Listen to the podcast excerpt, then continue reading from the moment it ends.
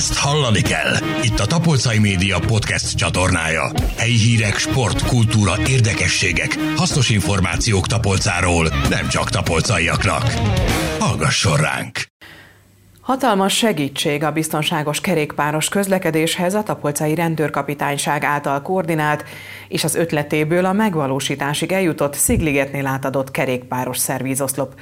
A kiépített hazai gyártású kerékpáros szervízoszlopot a Nemzeti Bűnmegelőzési Tanács rendelte és vásárolta meg a gyártótól, a Szigligeti önkormányzat pedig biztosította hozzá a néhány négyzetméternyi önkormányzati területet, továbbá a telepítés építési anyag és munkaerő szükségletét. Tudtuk meg a hivatalos átadáson május 21-én. Az eseményen dr. Garamvölgyi László dandártábornok, a Nemzeti Bűnmegelőzési Tanács kommunikációs igazgatója Balassi Dániel polgármesterrel adta át az új szervíz helyét. A szigligeti polgármestertől pedig azt is megtudhatták a jelenlévők, hogy talán jövőre elkészülhet a sokak által nagyon várt Tapolca-Szigliget kerékpárút. Dr. Garamvölgyi László dandártábornok a sportok elkötelezett híve számára ezért is különösen fontos a most átadott kerékpáros szervízoszlop. Minden sport közel áll hozzám, gyerekkorom óta tekerek, de azért rólam sokan tudják, hogy a Harcművészeti Szövetségnek vagyok az elnöke, ahová 39 keleti küzdősport tartozik.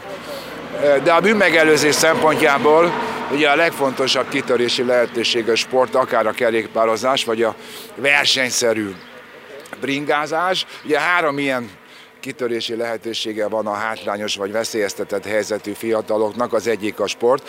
Én ezt preferálom a legjobban, de nem leértékelve a másik kettőt, a kultúrát és a tudományt. Tehát nagyon sokan ugye megkeresik a Nemzeti Bűnmegelőzési Tanácsot, évente különböző ilyen jellegű prevenciós programokra 7-800 millió forintot pályáztatunk meg. Sajnos ugye egyelőre minden igényt nem tudom kielégíteni, de úgy tűnik, hogy ez a keret a kormány jóvoltából bővülni fog, és azt kell mondanom, hogy az elmúlt nyolc évben, nem azért, mert azóta van Nemzeti Bűnmegelőzési Tanács, de nagyon sokat fejlődött a magyar állampolgárok bűnmegelőzési kultúrája. Ez a szervizpont rész, részben kényelmi célokat szolgál, de részben biztonságiakat is, hiszen egy rendszerbe regisztrálhatnak azok, akik, akik itt megállnak. Az ötlet a szervizoszlopok felállítással kapcsolatban ugye a Veszprém megyei rendőrfőkapitányságé volt, nem vitatva persze és magizálva ezt az innovációt, de tavaly abban a szerencsés helyzetben voltam, hogy az első ilyen oszlopot Révfülöpön át tudtuk adni, ahol jelen voltam, de a legfontosabb mégis az, hogy a tervek szerint azt szerepel, hogy a Balatont elkerülő ugye négy ilyen megyei rendőrfőkapitányság van, aki érintett, kerékpárúton mindenhol legyen, ugye ebben az évben nyolcat adunk át összesen, ilyen szervizoszlop, ami ugye elsősorban a gyors javításoknak a elvégzésére kiválóan alkalmas.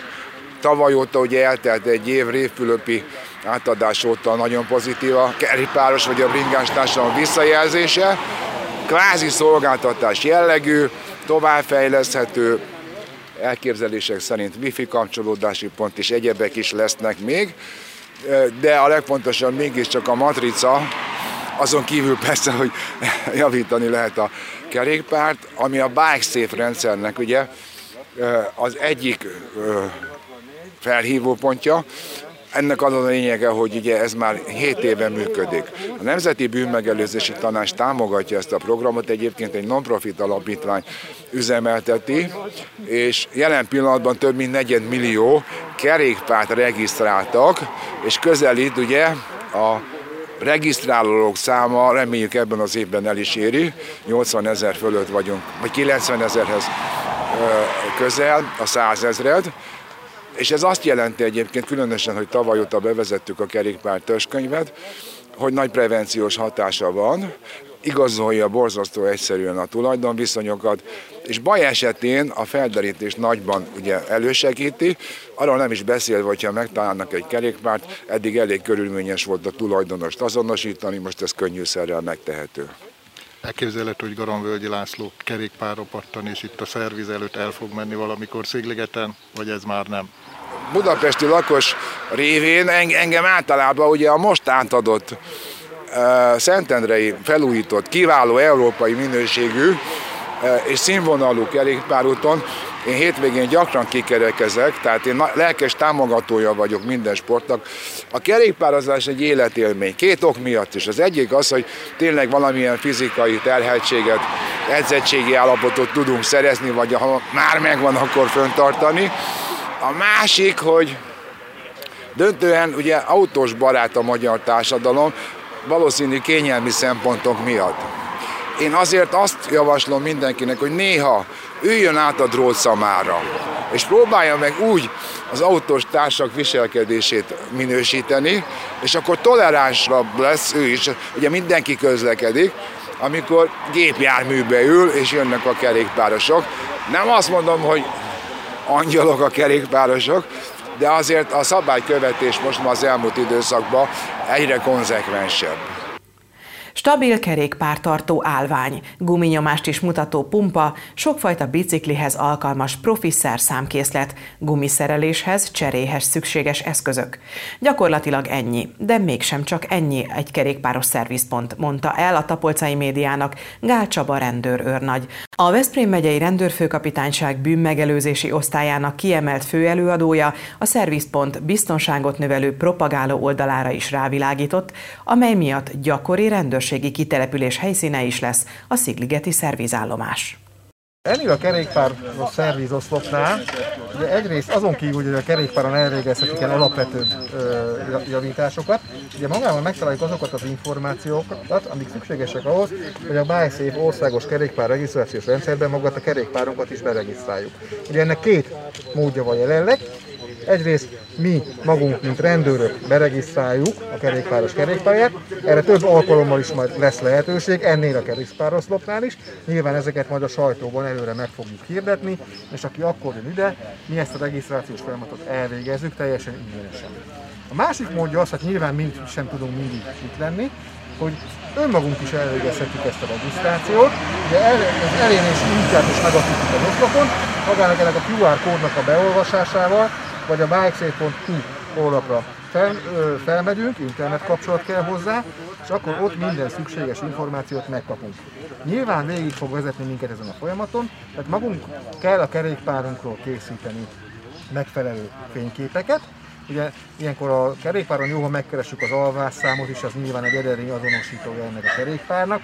Azt is jól lefotózzuk, ez nyilván kell majd a adatok megadásánál. Itt a, magán a honlapon ki kell tölteni egy megadott ö, forma nyomtatvány. Nyilván ez az adataink megadása elérhetőségeink, illetve a kerékpárnak az adatai is kell. Itt nyilván kíváncsiak vagyunk magának a kerékpárnak a, a színére, típusára, akkor, hogy milyen egyéb extra felszerelésekkel rendelkezik, illetve hát nyilván az alvásszám, mint az egyik legjobb azonosító, és akkor ezeket az adatokat, ha megadtuk, utána az elkészített fényképeket még mellé csatoljuk, és gyakorlatilag, ha ezeket ugye föltöltjük erre a honlapra, akkor a regisztráció teljessé válik. Ugye lehet kérni törzskönyvet is a regisztrációról. Ez gyakorlatilag egy ilyen kártya alapú törzskönyv, hasonló a, egyébként, mint a, a gépjárművek is adnak, és akkor nyilván ezen csak a kerékpár adatai lesznek rajta, hát azért, mert hát ugye el lehet adni ezt is ugye használként. Tehát ez a törzskönyv mindentől kezdve a kerékpárhoz tartozik, és ennek segítségével ugye ezeket az adatokat mindig ugye vissza lehet majd keresni. Ez egy nagyon fontos dolog. Köszönöm. Köszönöm szépen. Ezt hallani kell. Itt a Tapolcai Média podcast csatornája. Helyi hírek, sport, kultúra, érdekességek, hasznos információk Tapolcáról, nem csak tapolcaiaknak. Hallgasson ránk!